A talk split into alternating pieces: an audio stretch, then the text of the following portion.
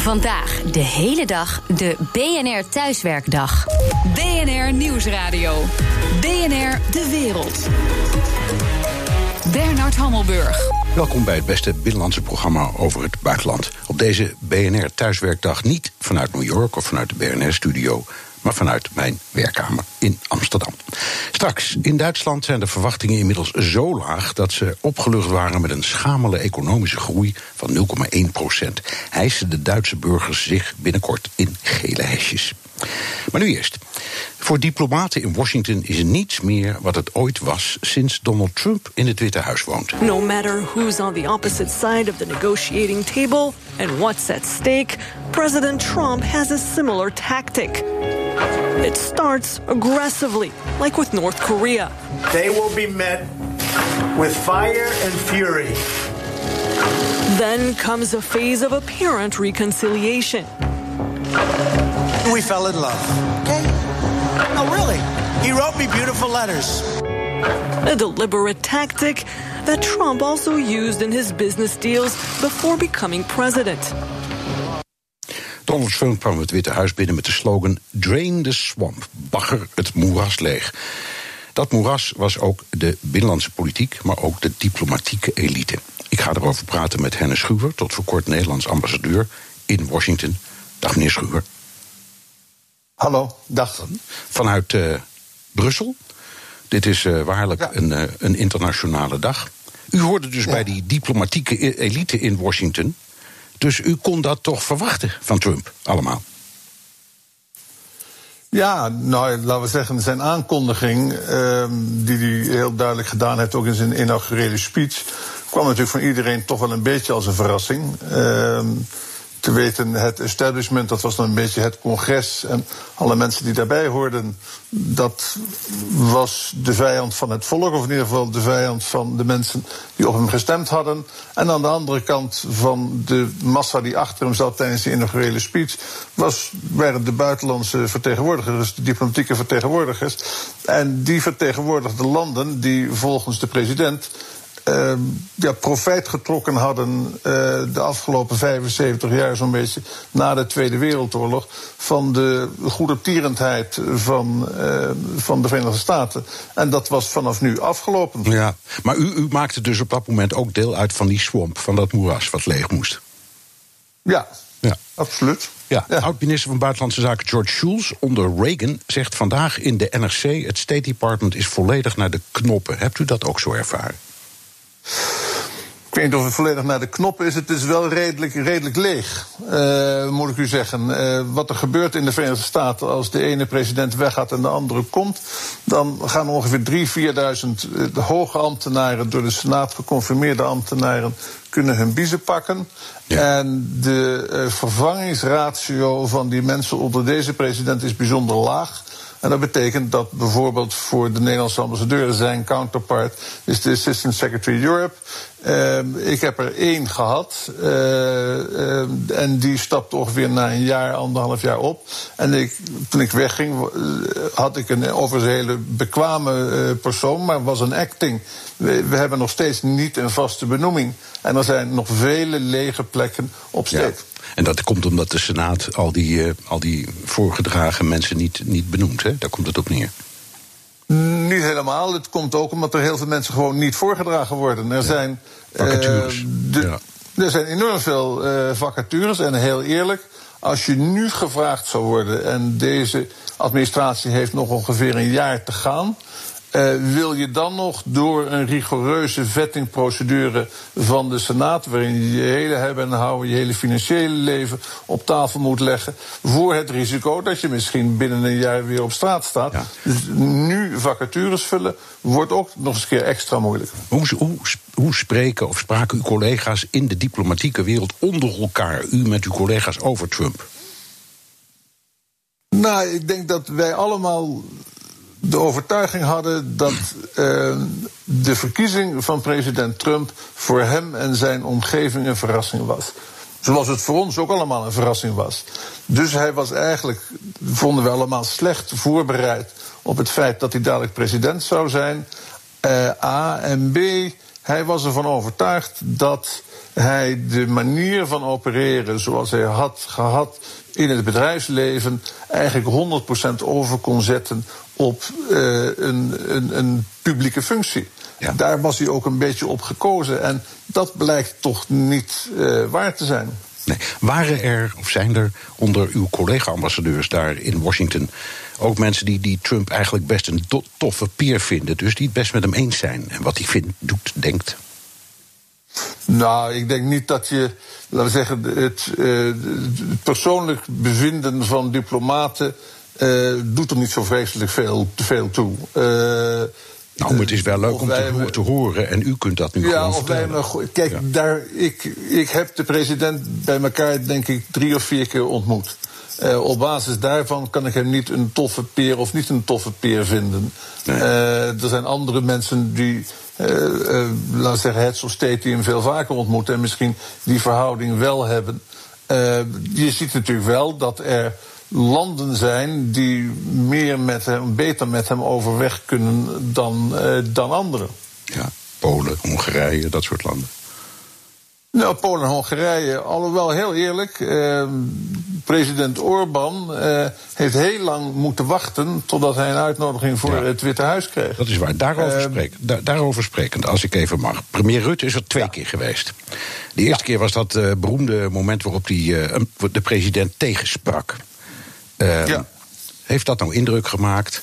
Of laat ik het nou eventjes cynisch zeggen, wist Trump toen plotseling waar Nederland lag, om het maar gewone taal te zeggen? Uh, nou, dat weet ik. Ja, het is heel moeilijk om te zeggen, omdat. Uh, het is niet onmiddellijk, dat ziet u dan ook, want het was een publiek ogenblik uh, voor de camera's. Er ontspint er dan niet onmiddellijk een, een, een, noem het maar, een gesprek tussen de twee. De, de, de premier had heel duidelijk de indruk: ik moet een punt maken. Uh, ik ben het niet met hem eens en ik wil dit niet ongezegd laten. Uh, ik weet nou niet onmiddellijk of uh, het, het wordt wel geregistreerd. Maar of er daarna op gehandeld wordt, dat kan nee, ik niet zeggen. Begrijp ik. Was u overigens bij dat. De, de, had u dat meegerepeteerd met premier Rutte? Dat moment? Of kwam het, wat hem betreft, gewoon omdat hij op dat moment hoorde wat hij hoorde en vond wat hij vond? Nee, het was spontaan. Nee, ja. absoluut. En dan de tweede, de tweede keer. Toen hoorden wij allemaal, en dat, dat moeten we nou maar eens bevestigen, zou ik zeggen. Dat, dat uh, Rutte zich een beetje had opgeworpen. Um, als uh, het contact, de nieuwe contactpersoon tussen de Verenigde Staten en de Europese Unie nu de Britten wegvallen. Dus dat hij, dat hij zichzelf heeft geprofileerd, laat ik maar zeggen, als de man die Boris Johnson kan vervangen als aanspreekpunt. Is dat waar? Of was dat uh, nou ja, een broodje aap-verhaal zoals we dat wat meer hoorden? Nou, nee, het is wel waar. En het is ook niet alleen uh, tijdens het gesprek van, uh, van president Trump met de MP gebeurd. We hebben al langer, op het moment dat er duidelijk was dat er een brexit zou komen, is het de politiek van Nederland geweest. Aan de ene kant vinden we het vreselijk en, en, en bijzonder jammer dat het VK opstapt. Aan de andere kant heeft dat een opent dat een aantal mogelijkheden. En een van de zaken die wij tegen de Amerikanen gezegd hebben. Als je nu kijkt wie er allemaal lid van de Europese Unie zijn. en het VK stapt op. Wie, welk land is, het, is dan het land dat waarschijnlijk het dichtst bij het handelen uh, van het VK ligt. Zeker wie de beste betrekkingen met jullie heeft. En wij zijn uh, daarvoor uh, een goede kan, kan, kandidaat. En we hebben niet geschroomd om dat in contacten. ja, duidelijk te maken ja. aan de Amerikanen. En, wat was dan, wat, wat, willen. Was, wat was dan het antwoord? Het antwoord is, nou ja, dat is wel interesse. kijk, er zijn een aantal dingen die wij niet, niet kunnen. Wij zijn niet de grootte van het VK en onze, uh, het relatieve gewicht beperkt onze uh, mogelijkheden. Maar de Amerikanen zijn uh, zich zeer wel bewust dat wij op het gebied van, van handel, van vrijhandel, van noem het maar de transatlantische betrekkingen. wij relatief dicht bij hen, bij hen staan. En ze vinden ons een, een, een hele goede partner. Ja. Um, we gaan er zo dadelijk verder over praten. En dan vooral over de vraag of er, naar uw mening, inderdaad zoiets bestaat als die deep state waar uh, iedereen het over heeft. Dus zo dadelijk ja. praat ik verder okay. met Hennis Schuur, voormalig Nederlands ambassadeur in de Verenigde Staten. BNR Nieuwsradio. BNR De Wereld. Mijn gast Hennis Schuwer, voormalig Nederlands ambassadeur in de Verenigde Staten. Once the preserve of conspiracy theorists, now the president of the United States calls himself a victim of it. Unelected deep state operatives who defy the voters to push their own secret agendas are truly a threat to democracy itself. Zo, de deep state. Daar heeft hij het over. Machtige ambtenaren die achter de rug van volksvertegenwoordigers om de echte macht in Washington zouden hebben heen gewerkt. Meneer Schuwer, bestaat dat? Hebt u die indruk? Uh, nee, ik heb die indruk niet. Uh, heel eerlijk, u had het net over een broodje aap. Ik vind dit ook een beetje een broodje aap verhaal. Ja. Uh, A, om twee redenen. A, wat ik net zei, de bovenste laag 3.000, 4.000 ambtenaren gaan eruit. Ja. Dat zijn alle De zogenaamde transition noemen ze dat altijd, hè? Ja, de transition. Dus dat zijn alle ambtenaren die daarvoor in de plaats komen. Dat zijn door de president, door de Republikeinen uitgezochte ambtenaren. Dat zijn in principe allemaal loyalisten van de pre president. Ja. Twee, uh, de ambtenaren onder dat niveau, die ik dus meegemaakt heb, moet ik zeggen, zijn in mijn beleving altijd enorm loyaal geweest. Ja. Uh, het, het, is echt een, een heel loyaal ambtenarenkorps. Zoals ja, mijn ervaring met mijn collega's ook van andere landen. Ambtenaren zijn over het algemeen bijzonder loyaal. Ja. Uit die impeachment hearing, op dit moment staat hij weer aan, hier voor mijn neus, misschien bij u ook. Ja, uh, ja absoluut. Op dit moment ja. kunnen BNR luisteraars meekijken en dan kunnen ze op mijn rechterschermpje dat zien staan. Um, maar daar krijg je een ander beeld. Daar krijg je juist een beeld dat er een officiële lijn was, maar dat daar achterom, via Giuliani in dit geval als niet-diplomaat, een apart spoor was. Dus je kunt het net, net omdraaien. Misschien heeft Trump wel zijn eigen deep state gecreëerd. Nou, ik denk, kijk, het is lastig om op deze impeachment hearing uh, in te gaan, maar het feit dat de president een, zeggen, toch een beetje zijn persoonlijke lawyer uh, erop uitstuurt uh, om onderhandelingen te plegen met de Oekraïners, ja, gaat natuurlijk toch wel voorbij aan alle normale spelregels van diplomatiek verkeer. En hij doet dat, mag je aannemen, ook met een reden. Ja, ja zeker. En dan, nou ja, goed te zeggen, de Democraten dat is uh, ernstig, uh, dat is een misdrijf. En de Republikeinen zeggen: zo gaat dat nou eenmaal in de internationale politiek. Je doet dat soort dingen wel eens. En daar komt het op neer. Uh, maar goed, ehm, we kijken nu steeds, we zijn steeds aan het praten. Dat is logisch, want daar zat u naar Washington. En Trump Ja. en zijn omgeving. Maar het land is groter dan alleen maar Washington. Ehm, Ja. In hoeverre kun je nou zeggen dat de boodschap van Trump of de politiek van Trump, dat u dat ook ontmoette in dat grote land, de Verenigde Staten? Nou, ik denk dat daar een van de moeilijkheden van deze president ligt. Ehm, deze president staat echt voor zijn eigen achterban. Uh, en dat is, noem het maar, het middengedeelte uh, van de Verenigde Staten. Wij hebben daar wel eens een keer, en dat was een echt een verkeerde term, de, de term flyover country voor uh, gebruikt. En de beide kusten, Oost- en Westkust, hebben echt een andere mening. En het probleem wat je nu krijgt is dat er een, een bepaald percentage mensen, misschien is dat wel ongeveer 50%, zegt: This is not my, my, my president. Ik sta niet achter wat deze man. Uh, wat deze man uitdraagt. En die enorme verdeeldheid uh, in dat land. Uh, ik heb daar bij elkaar twaalf jaar gewoond. Ik kwam er in 1988. en zoals ik het nu verlaat in 2019, meer dan 30 jaar later, heeft mij wel geschokt dat die verdeeldheid zo groot geworden is. Ja, nou ja, maar dat was in de tijd van Nixon ook. En dat was hier in de tijd van Reagan en Carter ook hoor. Dus dat, dat is niet voor het eerst. Maar goed. Um, ik neem aan dat het Ja. Koninkrijk der Nederlanden niet alleen geïnteresseerd is in hoe het diplomatieke verkeer met meneer Trump verloopt, maar ook hoe het bedrijfsleven kan opereren met deze pre- president in die staten waar u het over hebt. Laten we het maar zeggen in de flyover steeds. Hoe werkt dat dan op zo'n moment? Want, want we hebben uh, in Nederland de laatste jaren het beleid gehad om consulaten te sluiten. Het consulaat in, in Los Angeles is gesloten ten gunste van uh, San Francisco enzovoort. Dus hoe, hoe, hoe, hoe hebt u dat aangepakt en hoe wordt het, mag ik aannemen, op dit moment nog steeds aangepakt? Ja, uh, ik denk, A, begin om te zeggen, eh, de, Ameri de Verenigde Staten is geen eens een federale staat, het is een Federation of States. Ja. Dat betekent dat de staten een relatief vrij grote onafhankelijkheid hebben. En een relatief vrij grote mogelijkheid om een eigen politiek, en met name op economisch vlak, uh, te voeren. En wat je nu ziet, als je uh, meer moeite hebt om je boodschap uh, neer te leggen in Washington en daar een valabele gesprekspartner te vinden, dan ga je steeds meer naar die staten toe. En dan ga je tegen die staten zeggen: van god, weet ik wat, neem uh, belangrijk onderwerp op het moment milieu. Uh, deze administratie is nu bezig om formeel uit het Paris Agreement te stappen. Maar als je naar Californië gaat, dan hoor je een volledig ander verhaal. En Californië zit volledig op de lijn zoals we die ook in Europa voorstaan.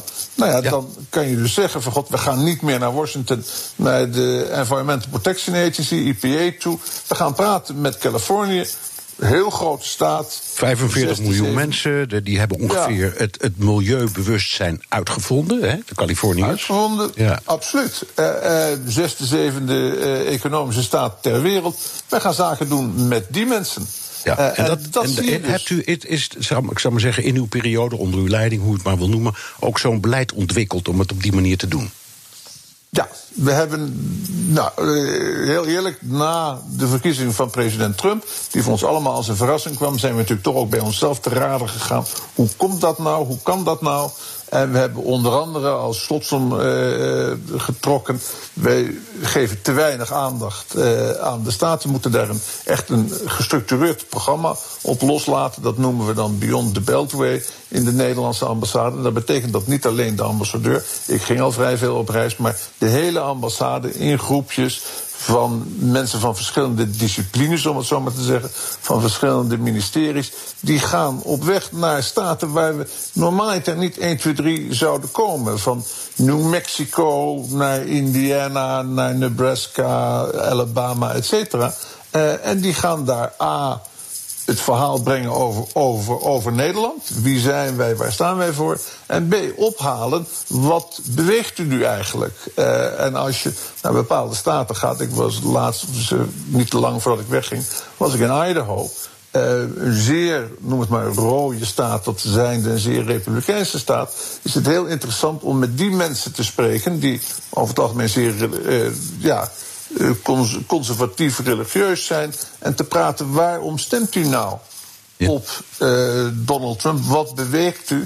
En om die boodschap weer mee te nemen en te vervatten. In we, zijn, uh, we, zijn, we, zijn, we zijn een beetje concurrenten, merk ik. Want dat is precies wat wij journalisten doen. En proberen na te ja. gaan hoe nou de kiezer er echt over denkt. En uh, ja. ja, nou ja, zo. Precies. Nou, denkt u misschien, dat... misschien, misschien kunt u ook wel ambassadeur worden. Nou, of andersom. Ja. ja. Even, even, nog, even nog iets wat echt belangrijk is in de paar minuten die we nog hebben. En dat is uh, toch wel grote buitenlandse dossiers. Uh, de Koerden. De president heeft, vinden wij, de Koerden in de steek gelaten. Tegelijk kun je zeggen, toen ze riepen... nou, als jullie dat dan vinden, kom dan zelf helpen. Toen deden we dat weer niet. Ja. Uh, dus ja, hoe staat u daar tegenover? Ja, twee dingen. A, uh, hij heeft de Koerden in de steek gelaten, maar heeft dat wel een half jaar van tevoren eigenlijk al aangekondigd. Van god, ik, ik ga weg. Toen is daar een hele sterke reactie op gekomen. Toen, is, toen zijn ze met z'n 2000 achtergebleven. En nu plotseling is hij dan toch. Het is niet alleen de Koerden in de steek laten, het is natuurlijk ook de Koerden in de steek laten na een telefoongesprek met Erdogan. En eigenlijk aan de Turken, die natuurlijk een andere verhouding met de Koerden hebben. Uh, een mogelijkheid geven om uh, die, die, die befaamde zone te creëren. ten koste eigenlijk van ja. de Koerden. En ik denk ja. dat dat wel heel veel. Zeker, maar toen op een bepaald moment, op een bepaald moment zeiden de Amerikanen bijvoorbeeld tegen Nederland: als je dan zoveel bezwaar hebt, als je vindt dat daar troepen moeten blijven, stuur ze zelf. En toen roepen wij: nee, nee, nee, ja, maar dat is ook weer niet de bedoeling. Ja, nou, dat is natuurlijk wel een beetje het verhaal uh, van de, de, de defensieverhouding tussen, uh, tussen Europa eigenlijk en de Verenigde, Verenigde Staten. En wij hebben uh, gedurende hele lange tijd vertrouwd op de aanwezigheid en de, noem het maar, bescherming van de Verenigde Staten. En onder deze president zullen we er rekening mee moeten houden dat dat, dat, dat in ieder geval minder is, zo niet, niet meer vanzelfsprekend. Nee. Oké, over een jaar is hij weg, of over vijf jaar is hij weg, weten we nog niet.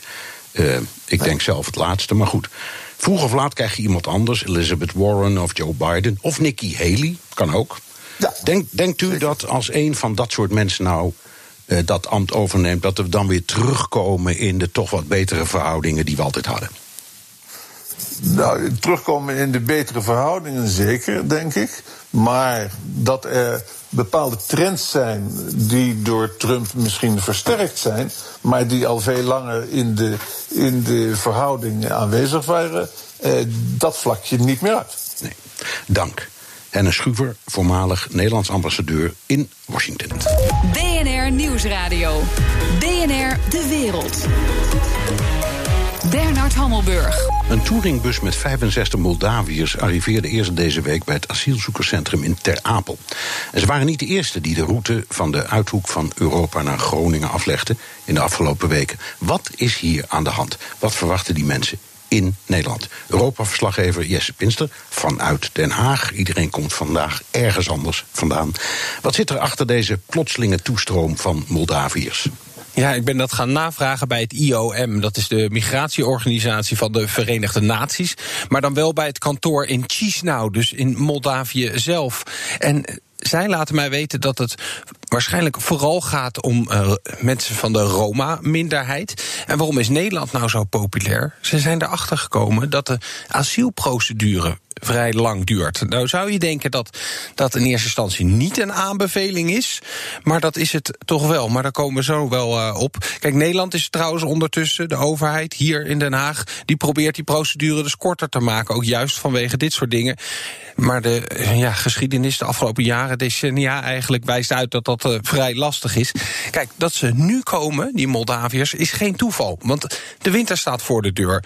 En ja, in zo'n asielzoekerscentrum is het eigenlijk vrij comfortabel en warm verblijven, is de gedachtegang die, die ze hebben. En dan begrijp je ook ineens waarom een lange asielprocedure eigenlijk wel aantrekkelijk is. En er komt dan nog bij dat de gezondheidszorg goed is. Dus het IOM, die organisatie die ik belde in Moldavië, zegt ja, er zitten veel mensen tussen met gezondheidsklachten. Nou ja, en dan is het toch uh, een, een goede plek om te zijn Nederland. Ja, wij zijn een, zijn een bijzonder land. Is er een kans dat die mensen ook werkelijk asiel krijgen in Nederland? Nee, nee, en de, wederom een goede reden waarom een lange asielprocedure dan wel handig is als je toch alleen maar in Ter Apel wil zitten. Volgens uh, de IOM zijn er in 2018 551 Moldaviërs naar Nederland gekomen. En absolute getallen misschien nog niet gigantisch. Dit jaar zitten we daar ook al aan, maar een paar jaar geleden ja, waren het er misschien 10 of 15 uh, uh, die naar Nederland kwamen. Maar goed, 96% wordt afgewezen. Dat zijn trouwens wel de cijfers voor uh, ook de Moldaviërs die naar Duitsland gaan bijvoorbeeld. Maar goed, daar zie je wel aan dat ze niet erg uh, kansrijk zijn. Dus ja, we moeten misschien constateren dat ze dat zelf ook wel uh, weten. En dat ze toch de reis gemaakt hebben om ja, te overwinteren. Of ja. misschien moeten we het zien als een soort vorm van zorgtoerisme. Ja, in de verzorgingsstaat Nederland krijgen de Moldaviërs, als ze moeten terugkeren naar hun land, nog geld mee. Want dat was ooit zo.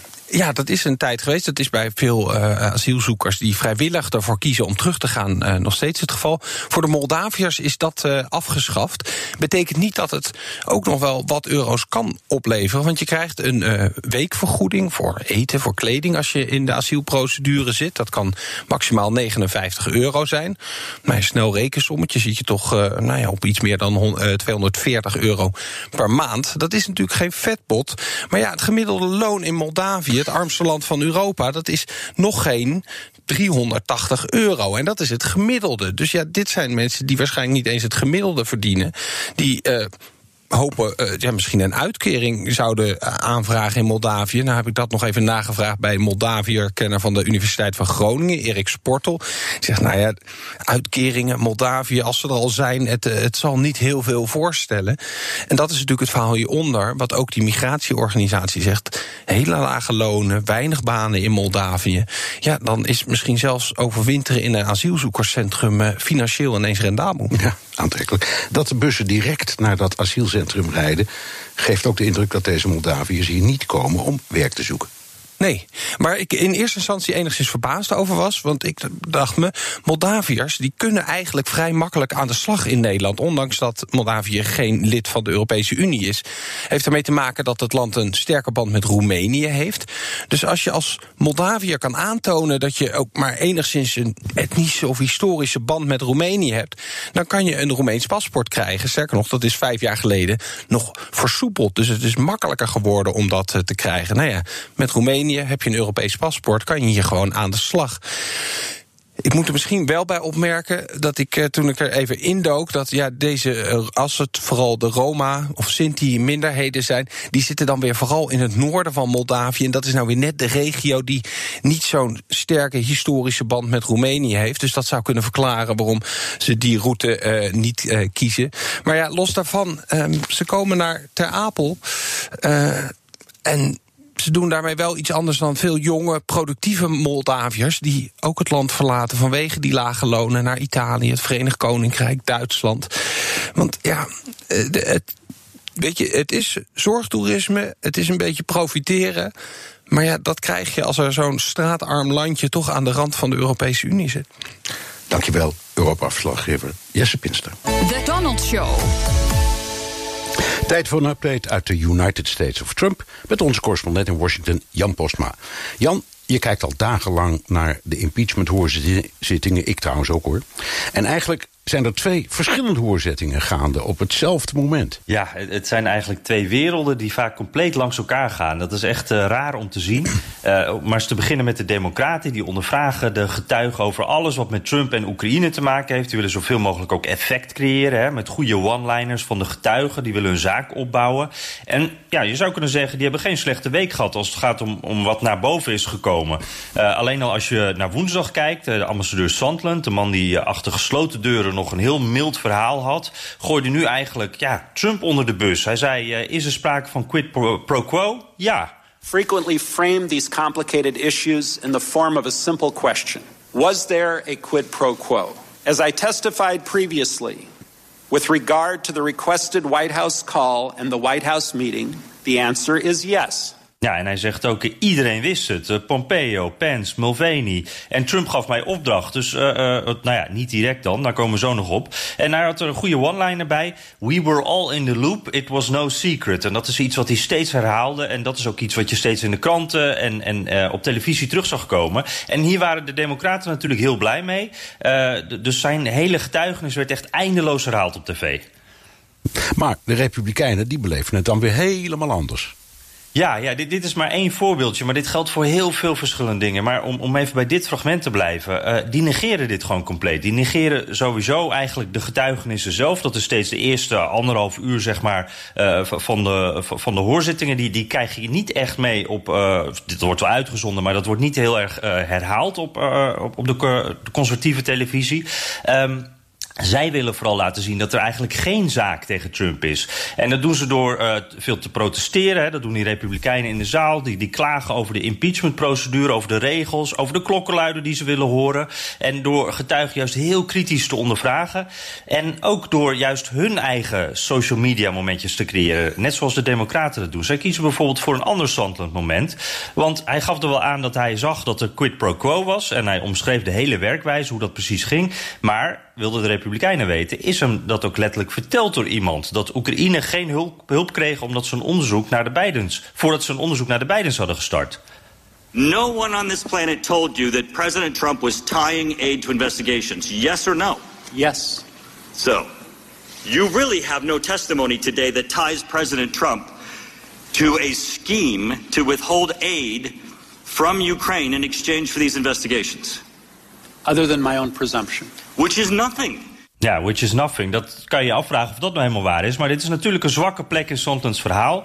En het is heel raar om dan te zien en te horen dat Democraten dit dan weer negeren. En Republikeinen juist alleen maar hierop gaan zitten. En die andere signalen, die er ook echt zijn, helemaal overboord gooien. En ja, waarom dat raar is, we kennen natuurlijk Trump. Die is groot geworden in de New Yorkse vastgoedbusiness. Die is street smart, hè. Die zorgt ook wel dat het niet letterlijk wordt uitgesproken. Dat, het, dat hij dit niet letterlijk zegt. En hoe vaak zeg je nou als je een bank overvalt... kom, we gaan een bank overvallen. Um, dat was bijvoorbeeld bij Michael Cohen, zijn advocaat, ook zo. Daar zei Trump het ook niet letterlijk. Er zit heel veel nuances in. Maar op Fox News zie je s'avonds niets over die kant die... Uh, schadelijk is voor Trump. Je hoort alleen maar de goede kant voor Trump. Er zijn dus twee verschillende versies. Het lijkt wel of er twee hoorzittingen en twee conclusies zijn. Ja, ja en, en die kunnen echt, die conclusies die kunnen niet verder uit elkaar liggen. Deze analist bij CNN bijvoorbeeld denkt dat de zaak helemaal rond is en dat Trump in kan pakken. This was it. I mean, this every suspicion of Donald Trump was confirmed today. Ja, voor hem is alles bewezen, maar bij Fox denken ze dat Trump juist vrij uitgaat en dat uh, democraten in kunnen pakken. Dit is Sean Hannity op zijn uh, radioprogramma op Fox. This is critical. It is over. It's done. This is the end of this. Ja, en tot nu toe krijgt Hannity dan gelijk. Want binnen de Republikeinse Partij zijn er nog steeds geen scheurtjes, ook maar in de steun voor Trump. En zonder steun van die Republikeinse senatoren komt er natuurlijk geen impeachment. Maar ik denk dan, dit roept allemaal meer vragen op. Uh, Giuliani zou dat bijvoorbeeld kunnen beantwoorden. Hoe het nou precies is gegaan, wat de rol van Trump is. Dat is de persoon daartussen. Uh, Mick Mulvaney, ook de stafchef van Trump. Maar het Witte Huis weigert te getuigen. En Rep Republikeinen willen natuurlijk geen impeachment. Dus we kijken nu naar iets waarbij uh, eigenlijk beide partijen hetzelfde zien. Maar heel iets anders willen. En ook op dat punt hun eigen waarheid hebben. Dankjewel, Jan Postma, onze correspondent in Washington. Voor wie, net als Jan en ik, maar geen genoeg krijgen van dat fascinerende land... luister dan naar onze Amerika-podcast. En zo dadelijk. De Duitse economie ligt aan het infuus. Hoe dat zover heeft kunnen komen en wat de Duitsers eraan kunnen doen... dat vraag ik zo aan Bondsdaglid Otto Friek. BNR Nieuwsradio. BNR De Wereld. De economische groei in Duitsland was het afgelopen kwartaal nog maar net iets hoger dan de spaarrente. Maar de verwachtingen zijn bij onze oosterburen inmiddels zo laag dat dat nog een opluchting was ook. GDP figures released this morning show Germany has narrowly avoided slipping into recession. The Federal Statistical Office announced this morning that the economy had grown by 0.1% in the last quarter. Economists had expected the economy to enter a technical recession as the effects of the US China trade war took their toll. Ik ga erover praten met Otto Frieke, lid van de Bondsdag voor de liberale FDP vanuit Kreeveld in Duitsland. Meneer Frieke, fijn dat u in de uitzending bent. Ja, graag. En er is een beetje een thuiswerkdag ook voor mij. Ook voor u een beetje thuiswerkdag. Ja, ik begreep dat u op uw kantoor zat, maar dat, dat, uh, dat is een beetje ja. semi-thuis, hè? Dat is semi-thuis. Als je, als je vaak lang daar werkt, dan denk je ook dat het thuis is. Ja, ja. Is, het, is het in Duitsland overigens ook, uh, speelt het ook zo, dat thuiswerken of de discussie daarover? Ja, we zijn nog niet zo ver. Kijk eens, ik, dat zeg ik altijd als ik Duitsland en Nederland vergelijk. De Duitse maatschappij, uh, ja, daar, daar duurde het een beetje langer. En ik zeg dan als politici, ik kijk een beetje als er een probleem komt. Uh, was het misschien al in Nederland en die hebben al een oplossing gevonden. Misschien een goede, misschien niet zo goede.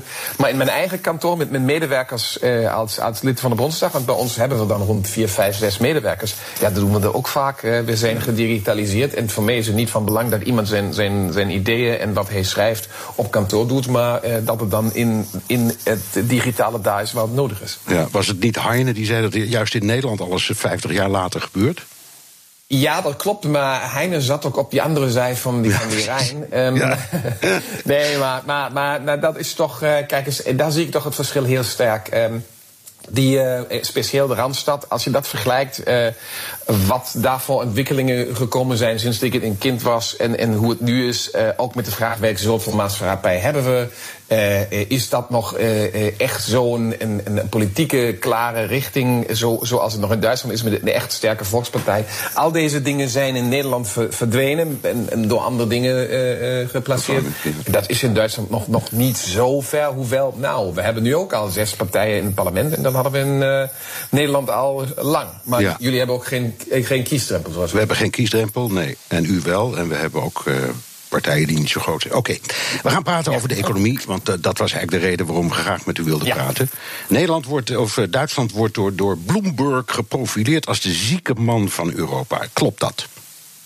Nou, ik zou zeggen, de kans dat het een zieke man wordt, die is heel groot. En, en dat is vergelijkbaar met die tijd uh, dus, uh, rond 2003, 2004, uh, wat ook Sick Old Man of Europe was met, met Duitsland. En, en toen heeft een, een rood-groene regering, dus niet mijn partij, maar heeft hervormingen gedaan. Schreuder, die dan. Ja, Schreuder was dat uh, met de Groenen samen. En uh, heeft er echt heel veel goede dingen gedaan. Ik, ja, maar ik, als ik me dat herinner, dat, dat zeggen we wel. En dat was ook zo. Hij heeft Duitsland ja. gered, kun je zeggen. Maar ja. hij heeft het minimumloon, geloof ik, afgeschaft. En uh, de, de, invloed van de vakbonden. Als socialist heeft hij dingen gedaan waarvan je denkt, nou, dat had ik van een liberaal ja. misschien verwacht, of een conservatief, maar niet van een socialist. En het heeft toch geholpen. Maar misschien is dat ook een beetje dat de ironie dat meestal het uh, die linkse partijen zijn die, die als het over vraag van sociale zekerheid gaat, moderniseringen doen. En dat het vaak. Um, met de rechtse partijen die andere kant op is. Wat Schudde heeft gedaan, is ze heeft gezegd... we moeten een, een, een verschil maken tussen die vraag mensen naar werk te brengen... en die vraag van eh, hoeveel is de steun en hoe lang zou de steun zijn. Want we hadden een tijd waar het te lang, te eenvoudig was... zonder werk eh, eh, een, een, goed leven te hebben. En het belangrijkste is, aan het eind moet je dat zien... als je kijkt hoeveel mensen in werk zijn in Duitsland... sindsdien Schröder eh, die hervormingen heeft gedaan... dan moet je zeggen, dat wat, was de grootste hulp van een sociaal Zeker. die mogelijk zal zijn. Maar dat is typisch politiek natuurlijk ook. Zeker, eh, maar je kunt ook zeggen, het heeft, het heeft Duitsland gered... en daarmee ons ook ja. enorm uh, geholpen. Dus uh, nou ja. Even, ja. even naar het nieuws. Hè. De, de, de groei zit nog maar op 0,1 procent. Dat viel een heleboel mensen nog mee... Want er werd al op recessie gerekend. Zegt u, oh, zegt, behoort u ook tot die mensen zeggen... nou, dat is een meevaller?